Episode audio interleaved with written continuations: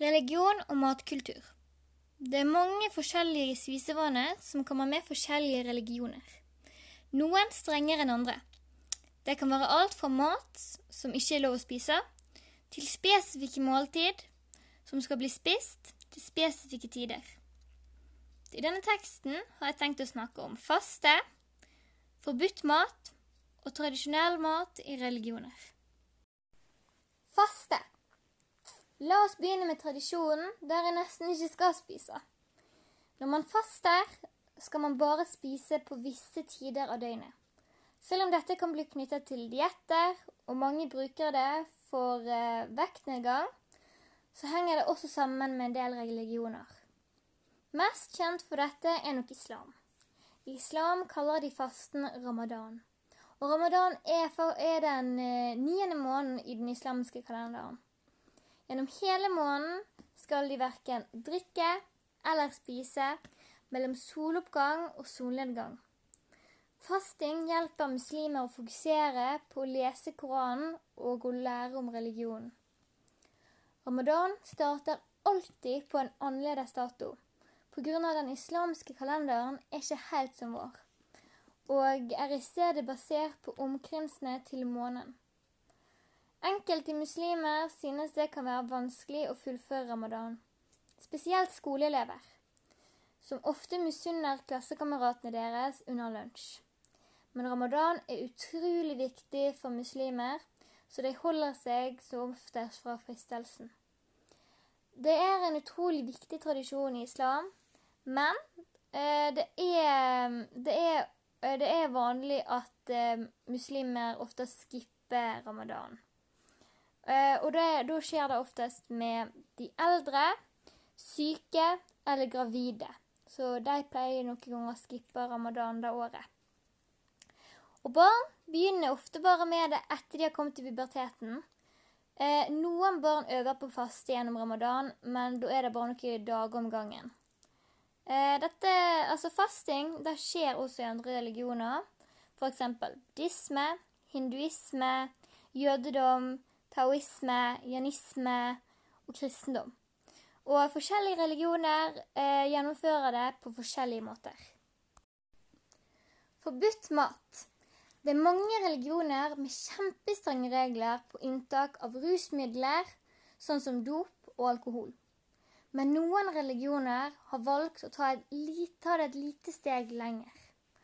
La oss begynne med å bruke islam som et eksempel igjen. Islam mener de at gris er et ureint dyr. Denne litt rare leveregelen finner vi også i jødedom, kristendom og hinduisme. Selv om de fleste kristne ikke følger denne tradisjonen lenger. Det er på en måte en utdødd tradisjon i kristendommen. Eh, Grisetabuens historie eh, stammer fra at Gud sa til jødene at de ikke skulle spise Eh, at de kunne spise alle dyr eh, med splitta hode, og som gulpa opp maten sin og spiste den igjen. Eh, sånn som geita gjør med gresset sitt. Men grisen spiser på en lignende måte som mennesket, og ble dermed sett på som et skittent dyr. I Koranen står det at med mindre du sulter i hjel, skal du ikke spise kjøttet, blodet eller organene til en gris. Så islam er det imot gris. Og dyrene de spiser, skal bli slakta på en spesiell måte. Sånn er det også i jødedommen. Men jødedommen har i tillegg en haug med andre matregler. Dette blir kalla kosher. Noen jøder følger kosher, mens andre velger å ikke gjøre det. Det kommer litt an på hvor strengt de følger den jødiske troa. I kosher så er det en hel rekke med mat som blir sett på som urein. Dyr som hare, kamel, gris, skalldyr og reke bl.a. blir sett på som urene dyr å spise. Men i tillegg så må dyrene som kan bli spist, slaktet på en spesifikk måte. Dyr som kan bli spist, er hjort, fisk, antilope, okse, geit, sau og mye mer. Eh, teknikken som blir brukt til å slakte dyr, kalles eh, sketsjning. Sorry hvis jeg uttaler feil. Jeg, mener jeg Eh, ja, det, jeg tror det er sånn man sier da.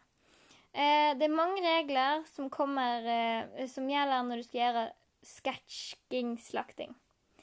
Ting som at kniven må gå i ett langt, ut, ustoppet kutt over halsen, blant eh, mange andre ting.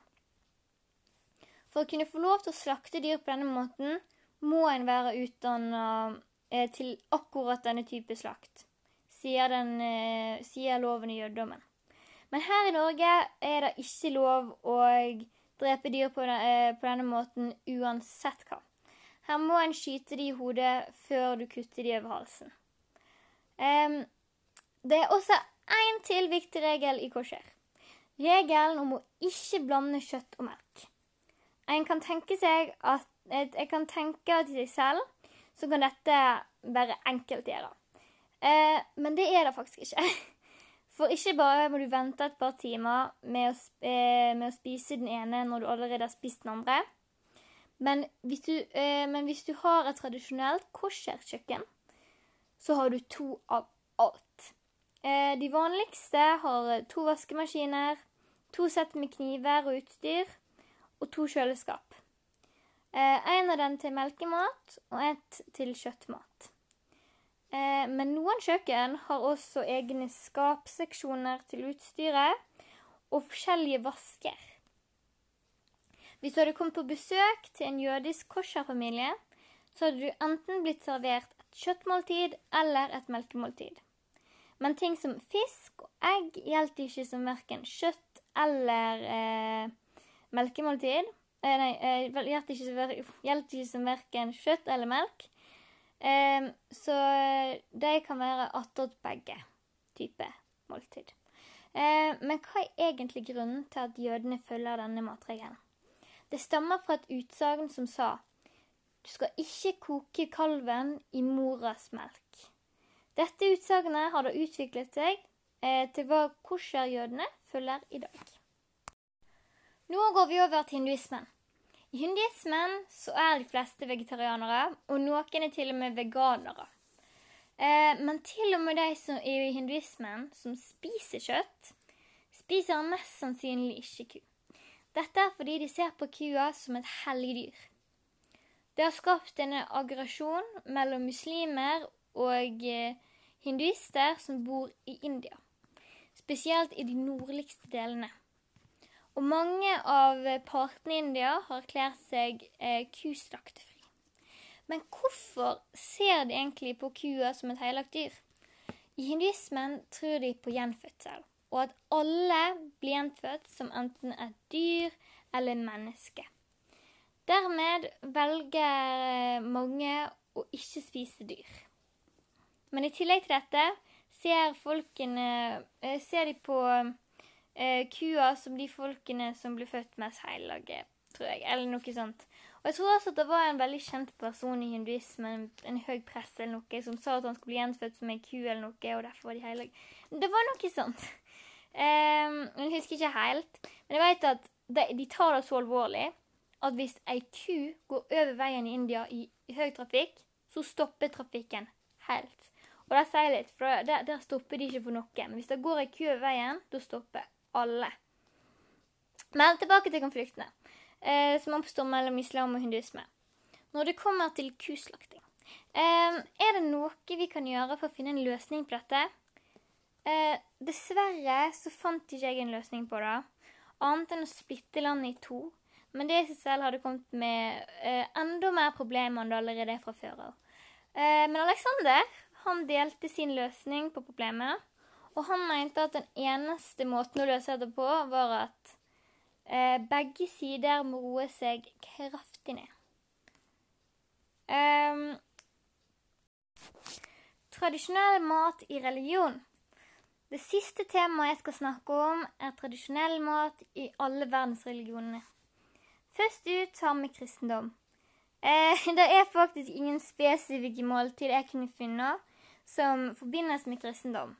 Men etter litt omtanke og en god prat eller diskusjon med Aleksander, som gikk mest ut på lussekatter, så kom vi fram til at kjeksene og vinen som blir delt ut på nattverd, er spiselige, og dermed teknisk sett anses som mat. Eh, next er islam. Eh, her er noen av rettene som blir servert under ramadan. Eh, men en liten advarsel før vi fortsetter. Eh, jeg har ikke peiling på hvordan man uttaler alle disse måltidene. Så det kommer nok til å høres litt rart ut. Bare vit at jeg mener ikke å være urespektfull, det er bare at jeg klarer ikke å uttale de rett. Så før soloppgang så kan det hende at du får eh, Så er det vanlig å få utdelt tyrkiske egg, rispudding med dadler, syrisk brød og egyptisk fetaost og melettrull. Eh, etter solnedgang kan det være ting som tyrkisk fiskesuppe, berberbrød, eh, harira og aubergine og lamstuing. Det er også en stor fest etter ramadan, eh, der en blir servert mye mat. Her er noe av det du kunne forvente å se. Det kan se ting som duka, muhamara, mutabel, baba ganoush, basbusa, kanafa og asure. Ashure. Så har vi kommet til hinduismen. Eh, her er noen retter jeg fant som kan være knyttet til den hinduske religionen. Maki di roti og eh, sason de sog, eh, misal pav, kusha mangushu, dukla og pongal. Da var det buddhisme sin tur. Um, det, er det, er faktisk bare noen regler på hva et måltid skal være, være lagt opp av. Så de tradisjonelle, den, den, tradisjonelle buddhistiske maten er ganske simpel. Det begynner med enten nudler eller ris, som kommer sammen med steikte grønnsaker som er kokt i en type kraft. I den buddhistiske eh, Og det er egentlig, da. I den buddhistiske dietten prøver de å holde måltid veldig så lette de kan, egentlig. Og de holder seg sterkt unna ting som løk eller eddik. Sist, men ikke minst, så har vi jødedommen. Eh, det er mange spennende måltid en kan nyte i jødedommen, og her er noen eksempel. Den mest kjente, som du sikkert allerede har hørt om, er eh, macho ball soup. Men det er også ting som eh, shala, borekas, eh, rugel, eh, shakshuka og potetlaktes. Bonusspørsmål. Da har vi kommet til bonusspørsmålene. Nummer én. Hva kan vi gjøre for å unngå konflikter mellom religioner? Så da jeg tenkte var at vi kan lære barn om religioner fra en veldig ung alder. Og så setter vi de sammen med barn fra andre kulturer. Vi lar de skape vennskap og lære om hverandre. For da de blir voksne, så kan de huske hva de lærte da de var unge. Sånn at i stedet for at forskjellige kulturer og religioner skal gå mot hverandre, så kan de heller gå sammen og jobbe for et felles mål. Nummer to. Hvordan skal vi skape et mer inkluderende og aksepterende samfunn? Som jeg sa, så handler det om å vite om andre religioner og kulturer fra en ung alder. Og lære om de fine tingene i andres kultur. Man kan også finne ting som din og en annens kultur har til sammen, for å finne likhetene i hverandre. Det siste spørsmålet var hvorfor er, det i, hvorfor er dette viktige temaet i KRLE-faget? Altså, Jeg skjønte ikke helt spørsmålet, men jeg vil anta at det har noe å gjøre med at vi vil ha en fremtid med null diskriminering og full forståelse av hverandre.